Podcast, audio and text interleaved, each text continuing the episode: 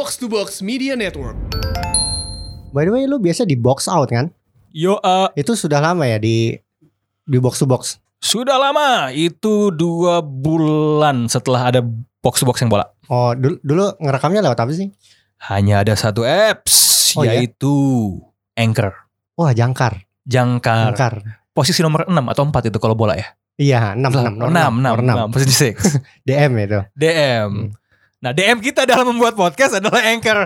Em, kebetulan banyak banget yang suka Banyak nanya. yang nanya. Apalagi kalau lagi box to box podcast day Ya, out. ki- seperti yang kita tahu box to box itu kartel yang punya banyak turunan. Benar. Nah, ada box to box universe. ya box to box, box out, otaku box, retropus dan lain-lain itu. podcast pojekan. semuanya- Boker juga eh, box to box. Semuanya pakai anchor ya katanya. Semuanya bukan katanya, faktanya. Faktanya. Faktanya pakai anchor, pakai Nah, anchor. Em, karena emang anchor nih, em, by the way ini perusahaan punya Spotify, itu tuh bikin semua orang tuh gampang buat bikin podcast. Lo juga dalam podcast lo yang tidak box to box juga pakai anchor kan Dex? Iya benar. Iya. Em, soalnya it's a all in one platform, gratis, berguna buat ngerekam, Eh, itu menyimpan, gratis. eh, mengedit, iya free transfer ya. Hmm. Eh, apa namanya? em, ng- ngasih musik, pokoknya apa pun yang berhubungan dengan podcast lo bisa ngelakuin. Analitik pun gue lihat anchor sih. Maksudnya gue jadi bisa tahu profil-profil pendengar sebanyak apa dan dari mana aja itu dari segmentasinya, Iya, segmentasinya. eh, pertumbuhannya, penurunannya Hmm. kadang-kadang eh, di mana kalau biasanya box to box tergantung apakah ada coach Jasin atau enggak. Tapi itu nggak penting. Eh, pokoknya em, please kalau lo mau bikin podcast lainnya eh, mungkin tentang bola dengan eh, apa eh, kebijaksanaan ala Sunda kayak podcast lo yang satunya lagi Liar ya. atau ngelawak atau apa pun itu lo bisa pakai Anchor langsung download aja Anchor atau klik www.anchor.fm di web browser dan langsung bikin podcast lo sendiri. Lagi-lagi it's all free. Free. 100% gratis.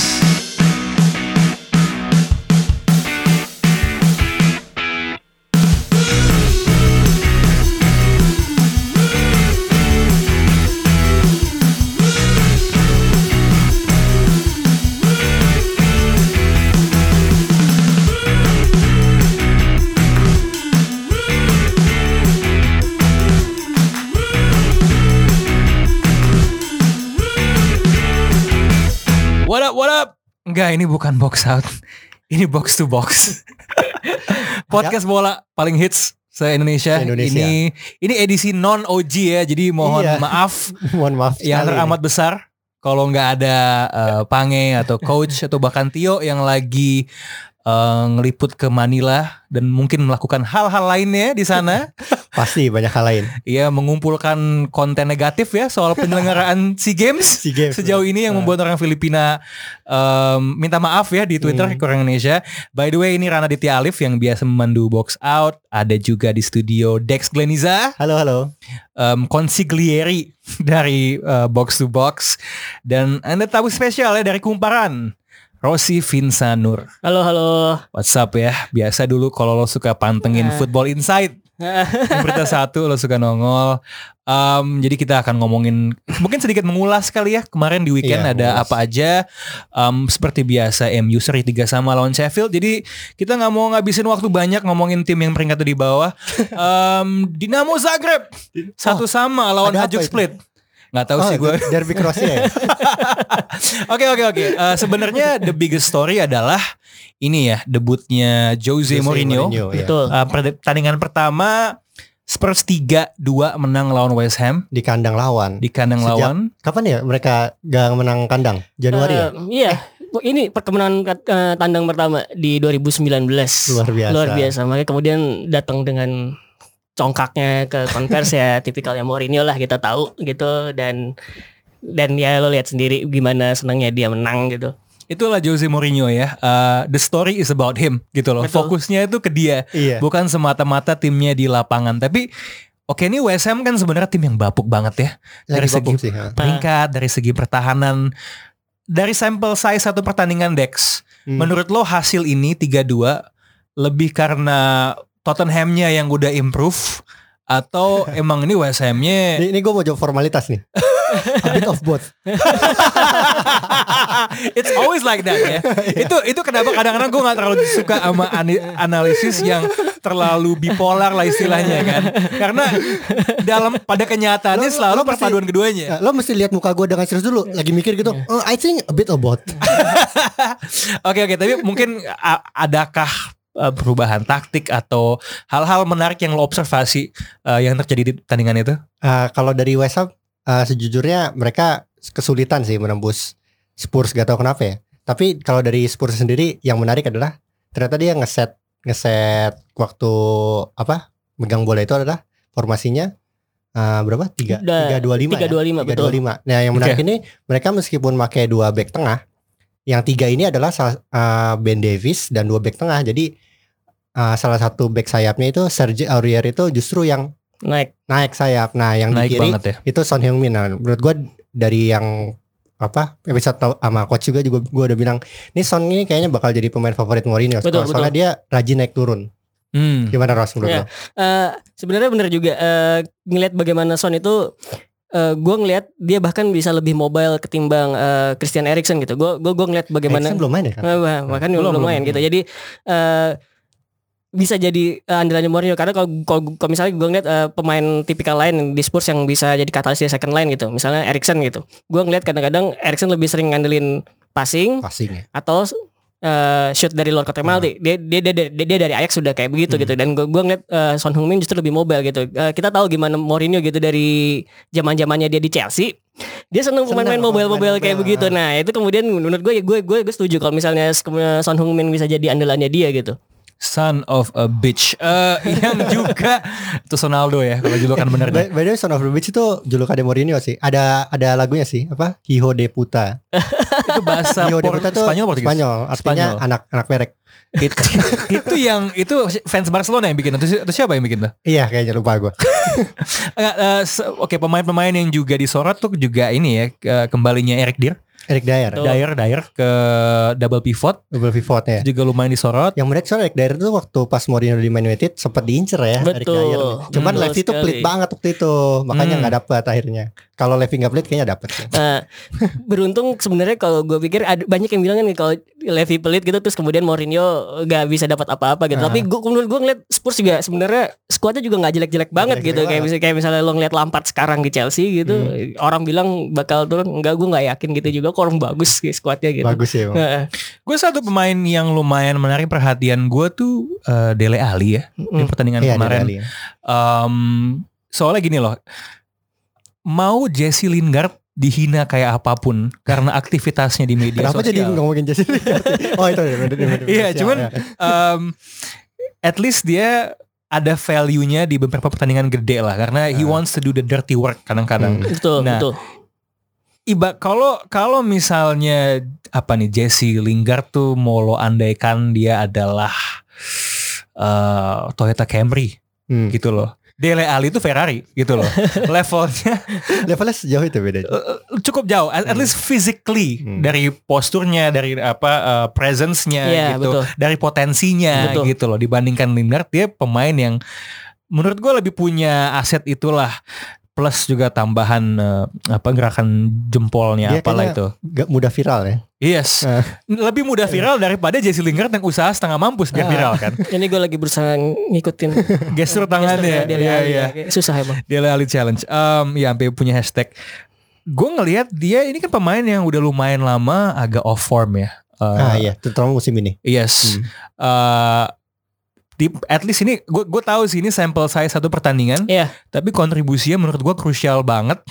Gue lihat statsnya kan Tottenham ini ketika dipegang sama Pochettino terkenalnya kan adalah tim yang larinya paling banyak high Iya, press sampai ya. satu dua musim terakhir Iya. mulai agak kendor karena Hmm. banyak alasan satu mungkin jadi lebih predictable tim-tim bisa membaca itu kedua tim yang main pressing sepanjang musim terbukti nggak sustainable Hmm. Uh, Dortmund kenapa akan di zaman peaknya Klopp akan ada momen di pertengahan Yes. uh, ke- uh, mus- uh, Paruh kedua. kedua musim Hmm. agak kendor. And kalau kita lihat kan perf, apa ya result Liverpool tuh membaik seiring dengan oke pressnya itu kadang-kadang kan. Benar, benar. Nah, um, Tottenham adalah tim yang suka melakukan uh, pressing belakangan kayaknya agak lebih kendor tapi pemain kayak Dele Alli tuh work rate-nya bagus banget kemarin kalau menurut gua average tackle dia season ini tuh 2,2 2,2 kemarin tackle per pertandingan. yes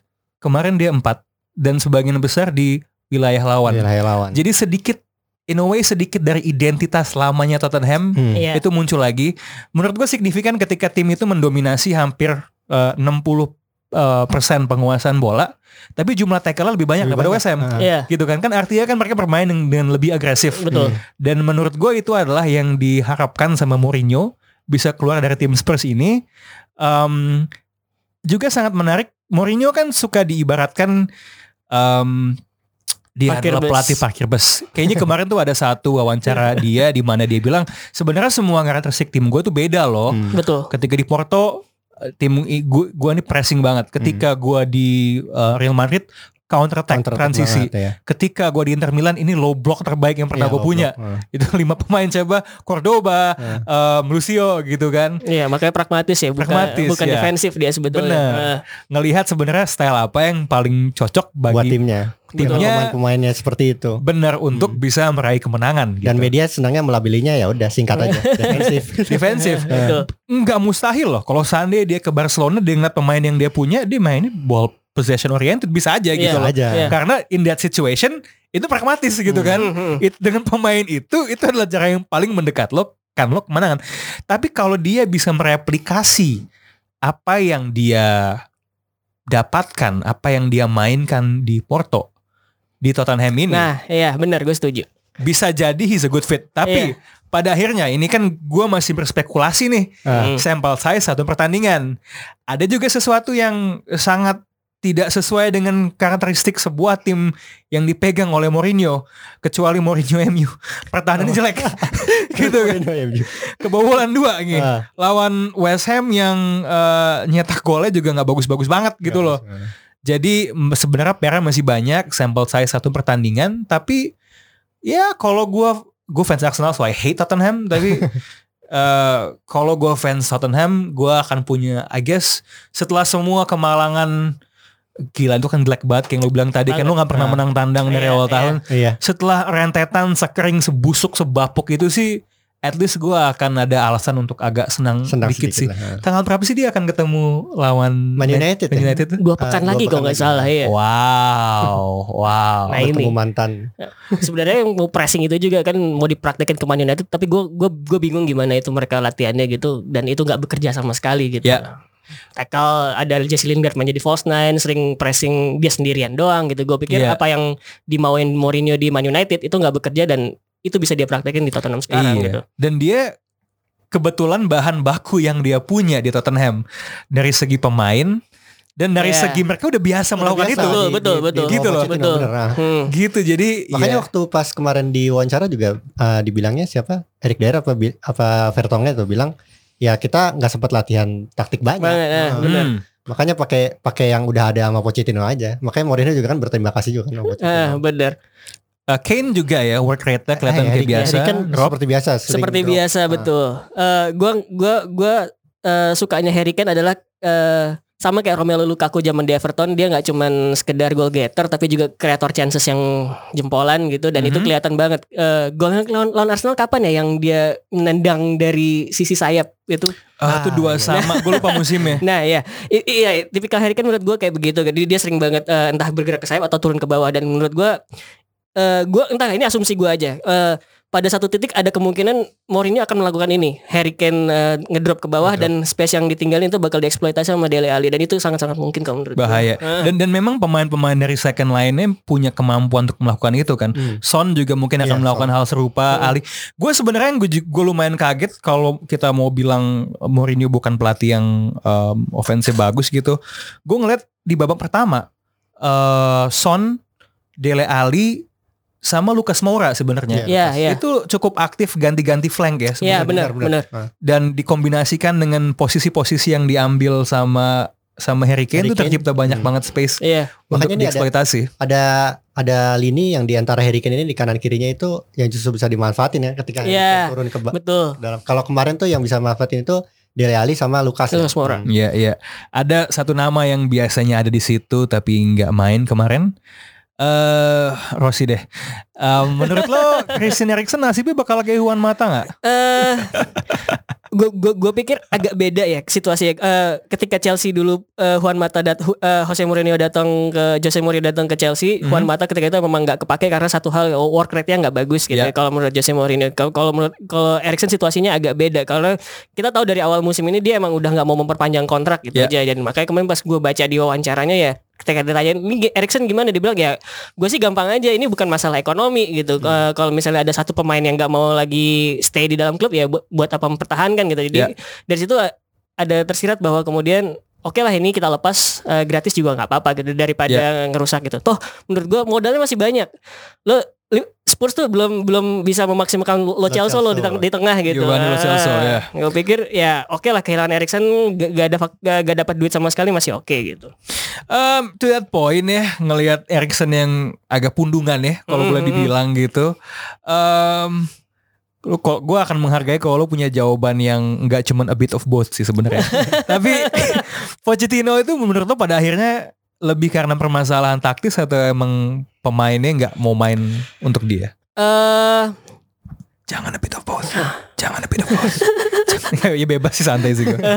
gue gue ngelihatnya eh mereka capek aja sih eh, Hmm. bagaimana Pochettino Pochettino ini punya satu gaya main, main progresif, pressing segala macem Mhm. eh, dan pergantian cuman pergantian formasi. Paling udah itu doang Ya. gitu. Dan gue pikir itu pada akhirnya pemain-pemainnya jengah juga. Hmm. Ketika mereka ya, ya gini deh, kayak lo lihat Real Madrid eranya Zidane, ketika Zidane emang gue menurut gue Zidane itu sama sekali ngandelin individual banget. Ya. Ketika performa individual drop, dia nggak punya plan B. Nah, masalahnya Pochettino ini juga gitu. Strateginya nggak ada nggak ada plan B-nya gitu. Itu kelihatan Eh, pas final ya. Iya benar banget. Nah, Dan terus kemudian ketika itu ketika itu nggak works, pemainnya drop, ya udah kelar menurut gua. Hmm, Gitu aja. Ya ya ya ya nggak bisa dia rejuvenate gitu Iya ya. betul. Oke, itu sebenarnya pertandingan antara tim dua tim yang struggling ya. Secara Betul. posisi itu sangat tidak menarik ya. Tapi di papan atas ada duel tingkat tinggi antara Manchester City. City lawan Chelsea Betul. yang berkesudahan eh, tiga satu maaf dua satu dengan bantuan VAR. Em, dan kita harus mengucapkan selamat, aplaus, apresiasi setinggi tingginya kepada Chelsea yang mencatatkan ball possession 54%. Mantap. Pencapaian yang luar biasa ini kemenangan moral ya. Tai. Eh, apa apa observasi yang menarik dari pertandingan tersebut Dex? Kalau kalau Chelsea bermain seperti biasa sih. Maksudnya apa ya? Mereka kayak udah nemu pakem yang pas ya sebenarnya di bola empat. Cuman Hmm, eh antar lininya tuh masih masih terlalu jauh sih, terutama dari lini Kurang ke ya. lini Hmm. tengah. Kalau tadi sempat juga diskusi sama Rossi, masih untung Chelsea tuh punya N'Golo Kante kan. Iya. Hmm. Kalau gak punya itu bener-bener jarak antar lini tuh bener-bener bakal kerasa sih. Nah Ya. di waktu lawan City ini, eh, City sebenarnya nggak spesial juga main ya. Eh, gua iya, gua gua lebih ngeliat sebenarnya kayak City itu inviting the pressure-nya Chelsea itu. Eh, itu itu yang kejadian ketika ngadepin Chelsea Man United pekan pertama. Ya. Eh, Gua ngeliat itu Chelsea babak pertama mainnya bagus, Bagus banget. banget. Dan Man United gol penalti. Itu kemudian eh, Solskjaer ngubah skema eh, lini tengahnya lebih deep karena dia tahu Chelsea mainnya bakal tetap kayak begitu dan kemudian ketika Chelsea naik ada celah di antara lini tengah sama lini belakang dan di counter. Gue ngeliatnya juga kayak gitu. Awal-awalnya sebenarnya Guardiola tahu nih eh dia nggak dengan jarak sedemikian jauh dengan Liverpool udah otomatis lu udah nggak boleh kalah gitu kan sebenarnya. Dan oke lah ini mau nggak mau harus menang. Satu-satunya cara buat menang ada ada satu cara nih Eh, ya udah lu inviting the pressure ketika kemudian pemainnya Chelsea maju semua lu, lu counter. Itu niatnya dia seperti itu gue ngeliatnya seperti itu. Mak- makanya kemudian ball possessionnya rendah gitu. Ya. Eh, sayangnya itu justru berbalik ketika gol pertamanya eh, Ch- Chelsea bikin gol pertama Ya, duluan Chelsea dan mereka agak waduh mesti gimana? Dan untungnya responsnya cepat gitu. Dan saya- gua dan gue pikir sih ya itu eh, si City ini sama kayak Liverpool musim ini. Dia udah mulai pinter nggak terus-terusan main pakai gaya yang sama dan ketika tahu oh lawannya kayak begini gue harus ya. plan B dan Hmm. menyesuaikan. Kayak gitu sih. Tapi to that point ya, apakah bisa dibilang Chelsea adalah ini kalau lo punya referensi lain ya, Mhm. eh, tim pertama at least di Liga Inggris yang ber- yang memaksa Pep Guardiola untuk lebih pragmatis daripada biasanya. Eh, Gua rasa enggak. Ketika musim pertama dia gagal, Guardiola gua rasa udah mulai berpikir untuk pragmatis. Dia ngomong-ngomongin second ball segala macam itu itu nggak pernah ada dalam kamusnya dia Bener. gitu. Dan gua pikir at that point dia udah mikir bahwa gua harus punya plan B dan gua Ya. harus tahu gimana kapan saatnya melakukan pragmatis dan gini ya ini ini klise sih. Lo main eh, liga itu kan bukan sprint kan? Benar, It's maraton. marathon. Eh, orang ngomong kayak gitu dan gue pikir di, di saat ketika itu eh, Guardiola ini tahu oh ya Premier League cara memperlakukannya beda gitu. Em, ngomongin sedikit soal Chelsea ya. Em, banyak yang impress dengan dia bisa memaksa Man City bermain seperti itu. Gua melewa gua melewati masa menjadi fans Arsenal masih, cuman udah nonton pasif ya. Cuman dari timeline doang. Gua melewati ada fasenya, gue inget eh, ketika Emirates baru dibangun di mana ya Arsenal adalah tim yang mainnya paling bagus, mereka tim muda yang berpotensi, tapi nggak pernah Apa? jadi gitu loh. nah, at what point menurut lo? Sergio Gnabry jadi sih. Iya sih. Saya lupa. Kampret. Jadi di sana. Jadi andalan timnas Jerman lagi anjing. Ah, bener-bener. Tapi nggak apa-apa dia dia berkontribusi saat membantai Tottenham. Tottenham, jadi ya, maafkan. Em, dia berkontribusi pada pemecatan Pochettino. Em, at what point do we say kalau eh eh iya tapi Chelsea ini bagus tapi mereka tuh naif gitu loh. Kayak kan banyak banget pertandingan sekarang di mana Iya dia sebenarnya mainnya bagus nih, seimbang, kelihatan identitasnya mau main Iya, kayak iya. apa. Hmm. But they lost gitu loh Iya. at what point do kita kita yang kayak oke nih ini udah udah ya ya udah mereka ini na- naif gitu loh nggak nggak nggak Tapi di liga memang harusnya kayak gitu sih. Maksudnya mereka lebih bisa bereksperimen lah daripada di di prosesnya sepanjang apa Ah, proses.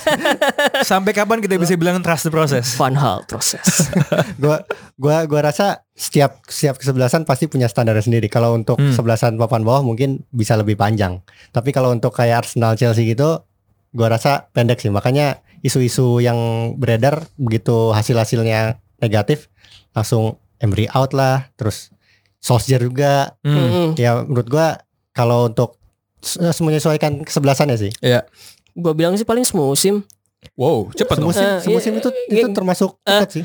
Mungkin karena eh pada akhirnya ekspektasi orang bakal war off juga gitu Ya. kan. Eh, eh, ya gue gue ngeliatnya sih gimana orang-orang yang melihat Chelsea oh gak bisa beli pemain. Oh ya udahlah Iya, kalau iya, misalnya iya. jelek ya udahlah gitu. Dan padahal gue bilang ketika di mereka nggak bisa beli pemain ya tengahnya ada Ross Barkley ada Kovacic ada Kante. Ya Lumayan. it's not that bad. Ada Pedro eh, mantan juara Liga Champions gitu.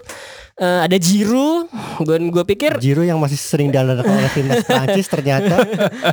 Dan ya opsinya masih banyak gitu sebetulnya. Dan ketika gua ngeliat Chelsea mainnya bagus dan eh gua ngeliat bagaimana Lampard sebetulnya musim ini cukup naruh fondasi. Gue pengen mainnya kayak gini. Bahkan ketika di ketika Mourinho masih jadi pandit dan kritik lo tuh harusnya ketika udah unggul udah dong coba main bertahan aja ya. Lampard dengan santai gue mau mainnya kayak gini gitu. Hmm. ada ngototnya di situ. Hmm, dan gue pikir dia berani kayak begitu karena sekarang Chelsea-nya istilahnya dalam masa transisi tanda kutip gitu. Dan ya setelah ekspektasi semua orang akhirnya perlahan-lahan luntur bisa jadi mulai disorot. Tapi gue rasa Chelsea juga ekspektasinya nggak begitu tinggi gara-gara transfer ban itu kan. Iya, iya, Lampard iya, itu bisa, emang, bisa lebih memang. bebas bereksperimen gitu. Heeh, memang. Maksudnya bebas tuh bebas eksperimen dengan pemain-pemain yang ada, bukan Iya. dengan transfer gitu. Dan gue pikir kalau misalnya ntar transfernya ada itu mungkin backnya bakal diperbaikin Ah, kayak iya. Kerzuma Hmm, gitu. iya. Gue pikir ya udah bakal mungkin bakal masuk bench juga gitu.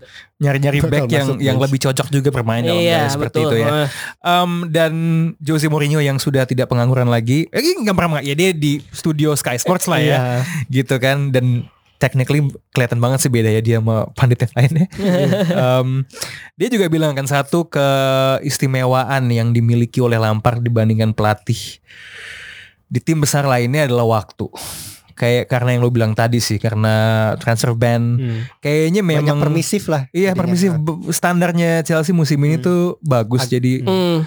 Eh, bagus Agak beda turun lah agak agak agak agak turun dalam Hmm. artian ya panic buttonnya seharusnya sih nggak akan di dipencet Pencet, eh. se secepat Iya, itu iya. gitu loh.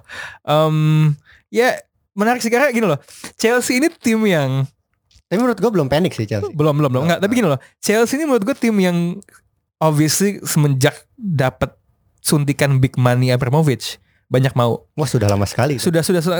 tapi tapi gini loh ketika lo sudah mendapatkan satu hal and then you want one thing else kan. Lo udah menang Liga Inggris, lo mau Liga Champions. Liga Champions. Mhm. Lo udah bisa Liga menang Champions. dengan pragmatis. Hmm.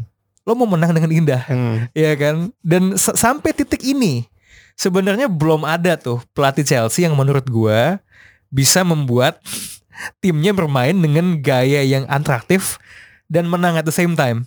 Itu kan kayak penyakit yang yang dimiliki semua pelatih Chelsea post Mourinho Hmm. dan Mhm. sebenarnya itu penyakit yang dialamin anak ya kan kayak Vilas Boas yang Villas nggak mau ngelatih Ya, dengan ya. gaya seperti Mourinho Ah. gitu kan dan uh, Lampard juga Sari cuman semusim Ah. se- ke- sebelum pindah jadi gue gue pengen lihat sih bisa nggak sih Chelsea itu memadukan apa ya uh, standar kemenangan mereka at one point dengan standar estetika baru yang berusaha dicapai ini sih Namun gue sebenarnya. lihat sulit sih. Masalahnya Premier League itu makin padat, makin bener pelatih-pelatih bagus makin banyak. Tim-timnya aja dulu Big Four sekarang Big Six. Mungkin Iya. nanti Leicester bisa masuk Big Seven. Gue juga Iya, nggak- iya, nggak iya. ngerti. Rogers nih pelatih yang selalu Iya, di, disebut di buku sama Michael Cox tau gak? Di Iya, buku bener, bener. The Mixer Zonal Oh, Marking iya. gitu. Gue gak Um, sadar dia sebagus itu. Iya iya iya. And can win with style juga kan. Hmm. Karena ini Leicester nih completely beda, Iya, different bener. sama zaman ketika dia menang gitu Ranieri. kan. Hmm. Bahkan bahkan Ranieri. gue lihat lebih bagus ini daripada zaman Ranieri. Bener. Makanya nih balik lagi ke Chelsea tadi itu malah standarnya tuh makin lama makin gemuk sebenarnya Premier League tuh. Iya. Makanya kita bisa mendefinisikan sukses itu justru dari perspektif yang berbeda ya nggak? Iya. Bener. Nggak maksudnya kalau kalau kita di La Liga nggak bisa kalau nggak juara La Liga kalau nggak juara berarti nggak sukses. Cuman di Premier League gua rasa tim sekelas misalkan Chelsea pun nggak juara pun ada ada KPI KPI KPI yang harusnya bisa KPI, tercapai. Oke. Iya maksudnya lo nggak apa-apa nggak juara tapi harus kayak gini. Misalnya tadi Iya, main- dan- mainnya cantik gitu. Dan dia dan dan semuanya relatif sih kembali ke ya misalnya estetika atau emang basically sumber daya yang lo punya kan. Hmm. Kalau kita uh, memasukkan uh, transfer ban ke dalam apa ah iya benar. ekuasi Ya, hal-hal yang kita bicarakan gitu loh. Um, so yeah, it's an interesting time untuk lo menjadi fans uh, Chelsea. Chelsea ya. It's not that interesting untuk menjadi fans Man United. Rossi. Rossi, waktu dan tempat saya persilakan. gue gue gue gue sering banget gue ngeratin apa yang gue tweet dalam beberapa bulan terakhir itu rame kalau kalau Man United lagi jelek gitu anjing Hmm. banget gitu Berarti lo senang langsung. gue ren gue dari gue dan gue merhatiin apa yang gue protes sama Man United tuh dari 2012 sampai sekarang tuh berapa tujuh tahun tuh sama-sama aja gitu dan gue gue merasa bahwa decline-nya Man United itu emang dimulai dari 2012 gitu ketika Alex Ferguson udah mulai kehabisan ide Hmm. untuk memugar squad ini bagaimana lagi dan Yeah. satu-satunya cara adalah ngambil Van Persie dari Arsenal gitu kan terus single handedly ngebawa itu tim Iya, yang juara. udah bobrok jadi juara Bener. Premier League gue ngeliat tim juara itu pun sebenarnya nggak spesial itu juga ya. Iya emang. no. Dan persaingannya juga musim itu kan nggak terlalu nggak seketat sekarang kok gue bilang gitu. Eh, dan gue ngeliat gue gue berkali-kali nonton gitu Man United. Ini sebenarnya mereka drill taktiknya ketika lagi latihan tuh gimana sih gitu. Hmm. Bahkan ketika ngelawan Sheffield United semalam gue liat anjrit ini diajarin positioning yang bagus dan benar oleh tim Mhm. promosi. Dan Man United tuh acak-acakan banget. Itu sering kayak gitu. Dan musim ini gue liat lawan apa ya? Partizan kalau nggak salah. Itu menang 1-0 Dan AZ juga AZ. Lawan AZ, Iya lawan itu juga Nah. lawan lawan eh, lawan- parah banget Parti- Sheffield, Partizan. Uh, Partizan AZ. AZ nah itu susah semua. Parah lawan tim-tim begitu gitu loh. Eh Sheffield peringkat 6 Jan. Oh iya, sorry sorry sorry. United Secara standing sejarah deh Oh, gitu. iya. Dan gue ngeliat gimana Iya. kadang-kadang eh, pemainnya bisa berada dalam satu garis horizontal yang sama gitu terus nggak ada ini gimana lo mau bikin direct pass ke depan gitu Iya. kalau kalau direct pass ke depan nggak bisa gimana lo mau buka space gimana lo mau bikin peluang gitu Nggak ada dimensinya. iya itu dan itu terjadi itu sering terjadi dalam eh, permainan-permainan Man United kalau lo liatin Padahal Lo- gue bisa menemukan space loh. oh iya di mana oke barusan barusan Barusan Dex nunjuk tombol space di laptop Rossi. Jokes itu nggak work karena mesti gue jelasin. Iya, gue gue gue gue sebel banget sampai kemudian eh, entah gimana apa yang ada di otaknya Solskjaer itu babak kedua semalam masukin Jesse Lingard main jadi playmaker di tengah men. Ajaib banget. Lingardinho. Eh, dan dan biasanya dia false nine gitu di depan ini jadi playmaker dan muter-muter gitu dan gue liat anjir ini mainnya berubah dari 352 eh sorry 343 udah di 433 jadi balik jadi back four dan itu permutasi posisi pemainnya jauh lebih bagus itu yang bikin mereka bisa bikin 3 gol 7 menit nggak salah. Itu tuh tiga pemain eh apa uh, back back three-nya United dari awal juga gue melihat mereka nggak punya nggak punya apa ya nggak punya plan B ketika nggak ada McTominay ya. Iya benar Gue baru sadar bahwa Man United begitu mengandalkan McTominay di pertandingan lawan Sheffield United ini. Begitu, ini kok nggak ada McTominay, tapi kok mainnya tiga back ya. Terus juga ketahuan Nekat, begitu nekat. begitu kebobolan dua di babak pertama langsung diganti lagi. Kita Jadi sudah 4-3-3. sampai ke sebuah zaman di mana MU itu mengandalkan Scott McTominay ya. Yes. Eh, McTominay itu jadi covernya PS loh, jangan. baik, baik, baik. Kita kita udah sampai zaman itu ya. Oke, oke. oke. Eh, hardly end product tapi gue ngeliat apa yang dilakukan McTominay musim ini emang lebih Let's baik daripada that. musim kemarin ya. Eh, kacau emang. ini ini datang dari fans Man United ya. Ya? Iya, dia dia dia belum belum end product lah. Gue gue gue mengharapkan McTominay eh gue ngeliat di Instagram dibilangin midfield general. Iya, determinasi iya midfield general. Cuman eh, untuk bi- bikin lo jadi seorang midfield general lo harus mendikte gitu. Lo Iya. Bastian Schweinsteiger gitu, visinya ada, di- defense bisa, nyerang bisa. Gue suka dia tinggi sih soalnya. Iya, physically emang Physical lebih presence bagus ya. ya, physical presence bagus, bagus. Tapi pelapis dia semalam siapa? Andreas Pereira. Andreas Pereira. Itu ngawur sih.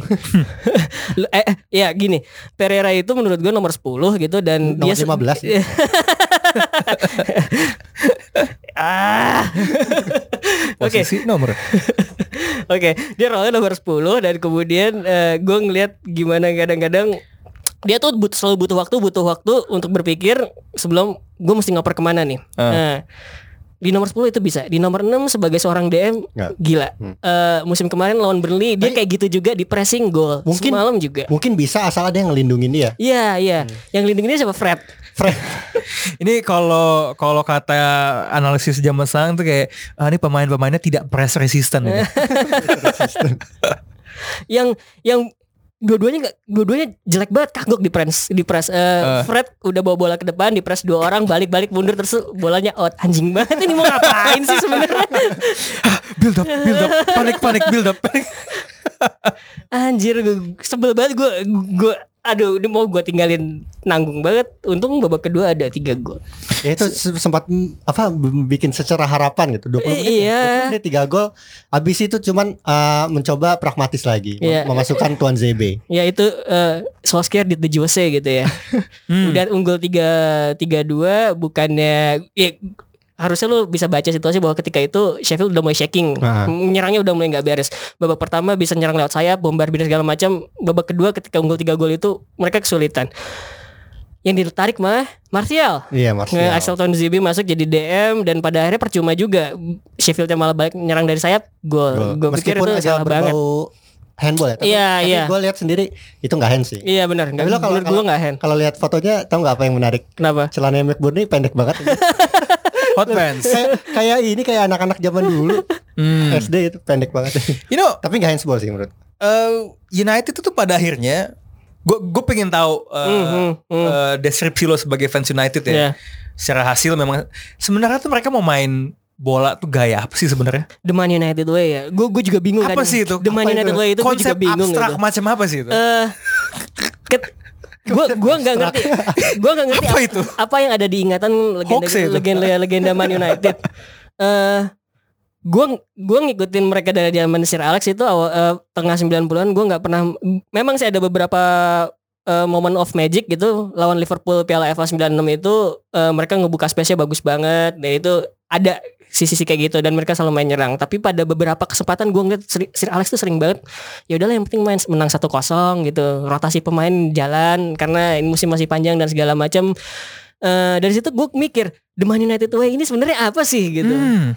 Itu lagi diaplikasikan oleh Liverpool musim ini. iya Mak- Maksudnya menang-menang itu efisien ya. iya iya Tanpa tanpa harus berusaha susah payah gitu. Dan makanya gue pikir ketika apa apakah Man United Way ini selalu main ofensif setiap pekan No. enggak juga Nggak, gitu Ya.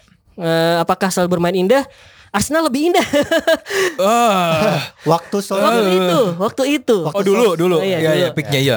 Waktu Solskjaer ditunjuk gue melihat itu uh, apa cerminannya itu dari pemain-pemain pilihan uh, akademi lagi gitu. eh, Tapi sebenarnya Louis van Gaal, Mourinho juga memakai iya, pemain iya. Akademi gue inget ada Tyler Blackett, Hmm. ada siapa Boardwick Jackson atau siapa itu. Iya dan eh Sir Alex juga nggak selalu pick dari akademi ya. Ada beberapa pemain akademinya juga gagal Ben, Gagal. Ben Farling enggak, eh, Luke Chadwick enggak, eh, Ada siapa Luke lagi Ba- ba- banyak banyak lah. Dan gue ngeliat ketika class of class of 92 ini kan selalu jadi tolak ukur gitu ya Ya. eh, bahwa eh, Man United selalu ngangkat pemain mudanya Pemain jadi muda. bagus dan kemudian eh, pemain mudanya sukses di tim utama. Tapi orang si Alan Hansen bilang you, you can win anything with kids. Tapi dibantah sendiri sama Paul Scholes. Hmm. Dia bilang bahwa ya emang bener sih you can win anything with kids. Pas mereka naik ada Dennis Irwin, ada Pallister, ada Bener. Cantona, ada Schmeichel. Iya, iya. Backbone-nya udah kebangun gitu loh. Dan gue pikir ketika lo emang masukin pemain-pemain muda lo harus punya backbone dulu dan ya selain Ada pemain sekarang. mudanya emang bagus gitu Ada sekarang pemain tua yang Iya, muda Andra. asli yang I- itu, Rangkum, itu, Ces. itu yang seniornya ya. Abadi tuh. abadi seperti iya, itu. Wiranto dia selalu ada. Oke, em, ya so MU masih nggak jelas maunya apa.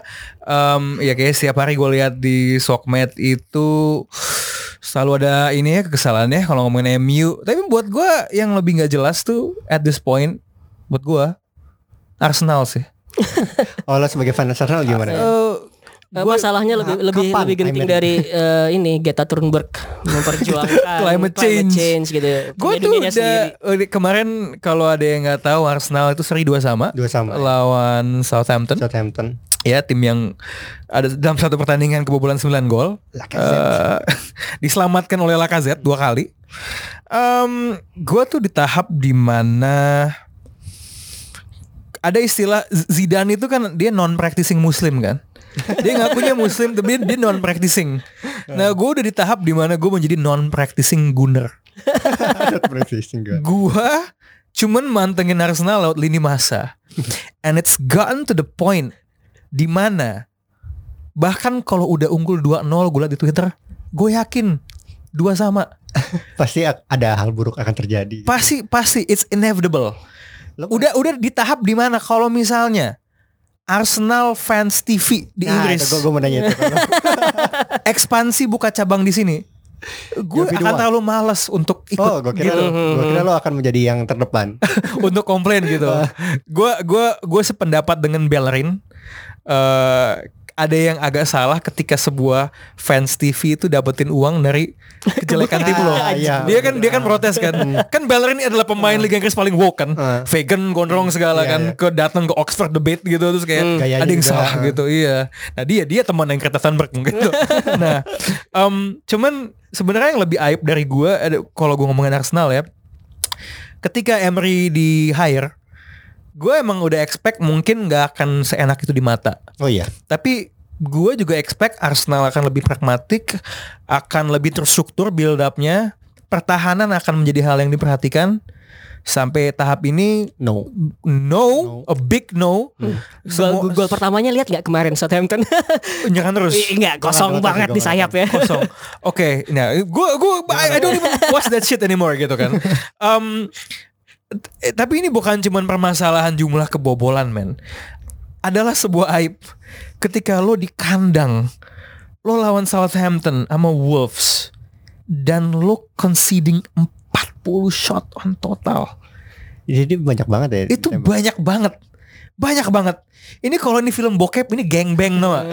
Ini Coba gue liat datanya dulu. Jangan-jangan yang terbanyak. nih. Maksudnya gini loh, kan lo ini pelatih yang katanya lebih pragmatik. Mhm. Dan kalau kita ingat ada ada pertandingan melawan uh, what was it? Uh, lawan Watford. Ya. Yang kok nggak salah Watford tuh 31 lagi buruk. Iya, shot. iya betul betul. What the fuck? man?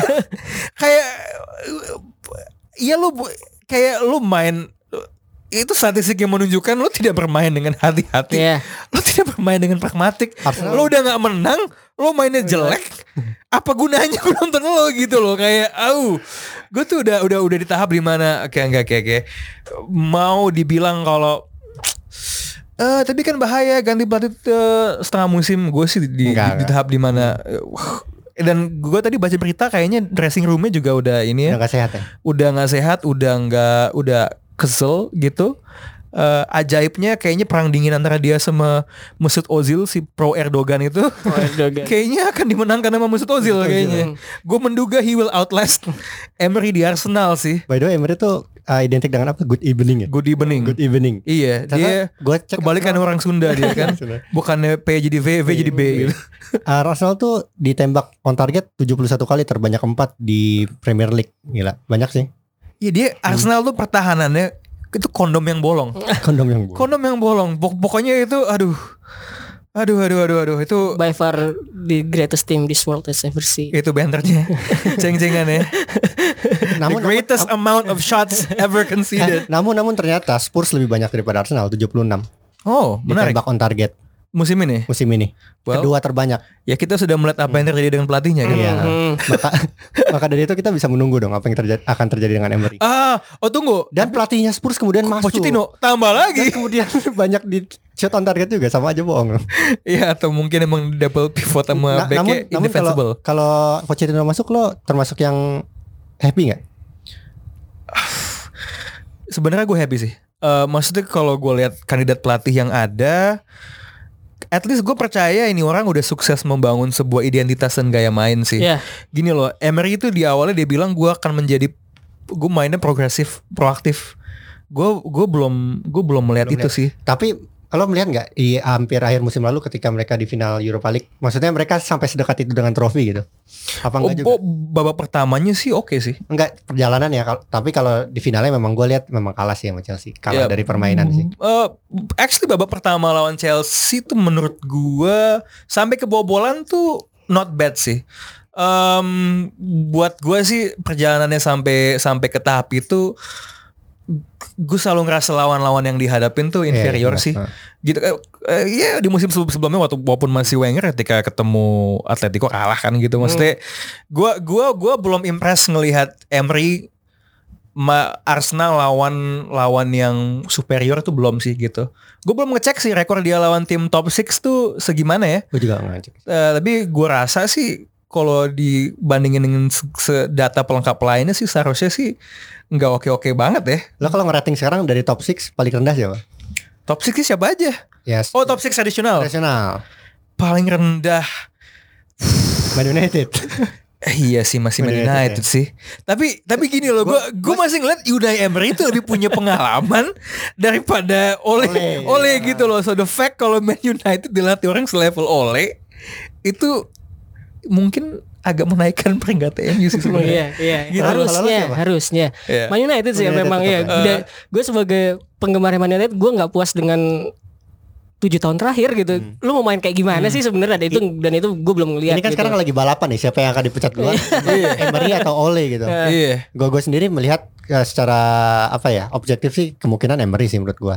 Meskipun Ole juga ada peluang gede. Susah ya gantiin tim yang dilatih seorang pelatih dalam waktu yang Hmm, sangat hmm. lama ya.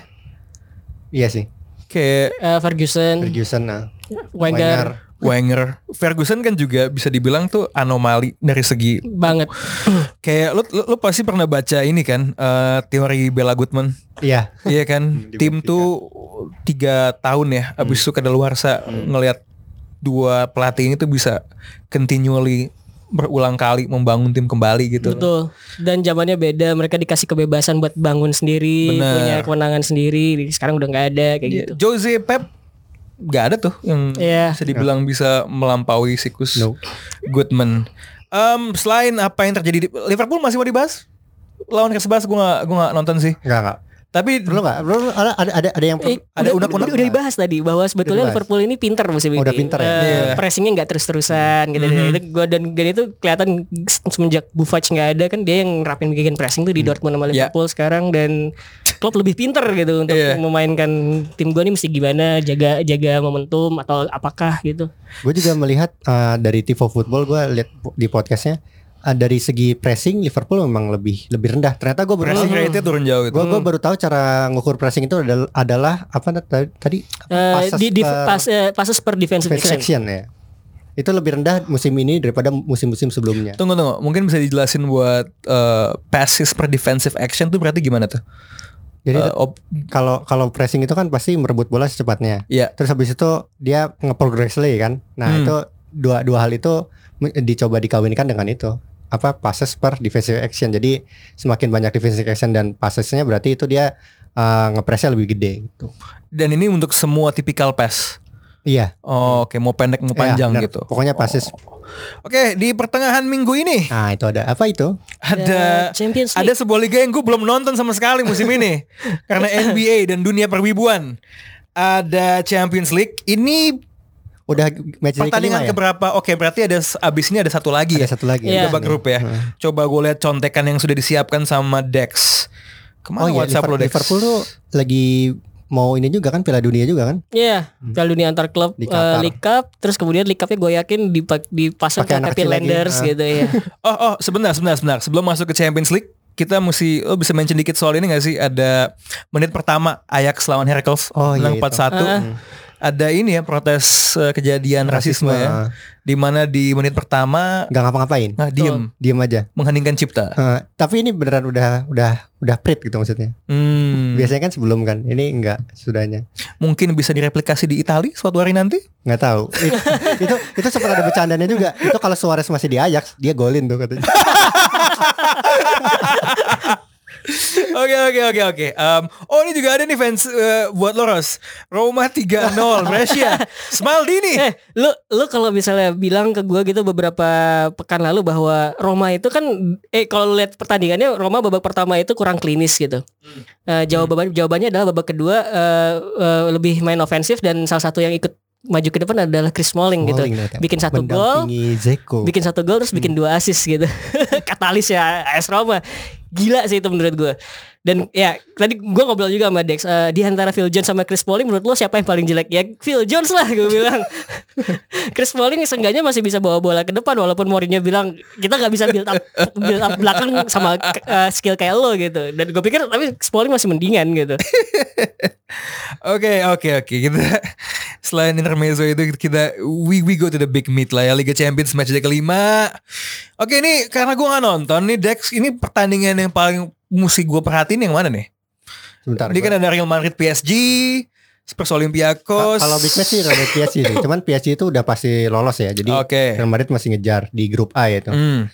Nah Spurs Olympiakos eh Mourinho, Mourinho lagi. Ya Mourinho lagi kita bakal lihat. Mhm. Habis itu sisanya restoran Bayern Bayern udah pasti lolos kan. Yep. Yang kalau dari Liga Champions itu Man City lagi ngincer eh, imbang. Maksudnya minimal imbang dia dia bisa lolos bisa ongkang-ongkang kaki habis itu. Yang mengagetkan nih Atalanta. Atalanta itu di grup C musim lalu ketika mereka lolos Liga Champions begitu dieluk-elukan oleh Iya karena orang-orang. subur banget, Hmm. agresif banget mainnya. Ternyata setelah di Liga Champions ini baru satu poin. Iya. Terus juga di Serie A kemarin juga kalah sama Juventus. Permasalahan utamanya apa nih dari tim yang atraktif ini? Gua gua rasa belum siap aja sih mereka Eh, dengan, iya. dengan big stage ini. different uh, beda kolam Liga Champions sama Serie A gitu dan dan gue ngeliat bahwa hal serupa itu juga dialami oleh Inter musim ini Uh, di Serie A Wah konsisten mirip ya. iya sama-sama Uh, di Serie A oke banget tapi begitu ke Liga Champions ngadepin yang tim yang pressing bagus dia match day pertama lawan siapa ya gue lupa itu Siapa? Slavia kalau nggak salah Inter, ya iya Inter. Nah, Tapi Inter tuh di grup neraka. iya Inter, iya Slavia, Barcelona dan cuman cuman seenggaknya gue expect Dortmund. bahwa- cuman, Dortmund, cuman ya. gue seenggaknya expect dia mereka bisa menang gitu lawan Slavia Hmm, dan iya, ternyata iya. malah kaget di Hmm. pressing kayak begitu dan gue pikir uh, Inter sama Atalanta ini emang nggak siap untuk ngadepin kolam yang beda gitu istilahnya. Inter ini baru pertama kali lolos lagi ya Iya iya. Liga Champions. Barcelona lawan Dortmund. Barca. Bar, Bar- eh, ya, Barcelona hampir lolos tapi Dortmund pelatihnya lagi agak di ujung tanduk ya.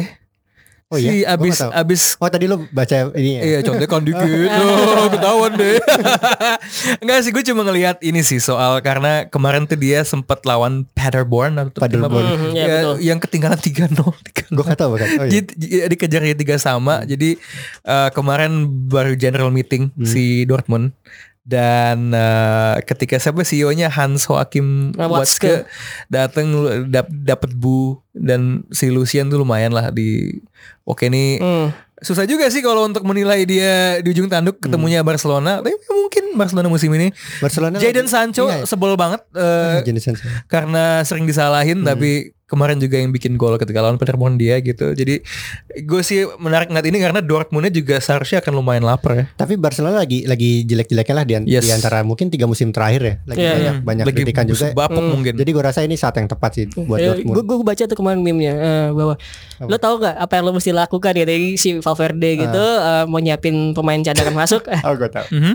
lo tau gak apa yang lo harus lakukan? Enggak coach, gue juga say hi to Messi. Saya itu titip salam ya buat, buat, buat Messi gitu lah. udah pokoknya udah Eh, ya itu cuma Messi. Padahal Valverde itu sempet oke gitu main 4-4-2 Oh, berlian itu. Lo lo Itu beberapa- Paulinho. Lo- lo- iya, Paulinho. Era Paulinho, era Paulinho bener. It, itu mendingan, mendingan. Walaupun gue tahu fans Barcelona yang gue denger itu gila ini orang gak ada identitasnya sama sekali. Gue nggak tahu dia Gua- mau mainnya gimana Gue gitu. sejujurnya nggak pernah melihat Valverde oke sih. Eh, Tapi Bahkan pas di Bilbao juga lo suka? enggak enggak di Barcelona maksudnya. Oke. Hmm. empat dua itu pragmatis juga gitu. Itu yang memang dia yang bisa lakukan itu Oh, doang. Itu nggak disukai gara-gara bukan bukan cara mainnya Barcelona lah ya. Boleh gitu. jadi. Ya, kita tadi ngomong soal standar ekspektasi yang beda-beda kan.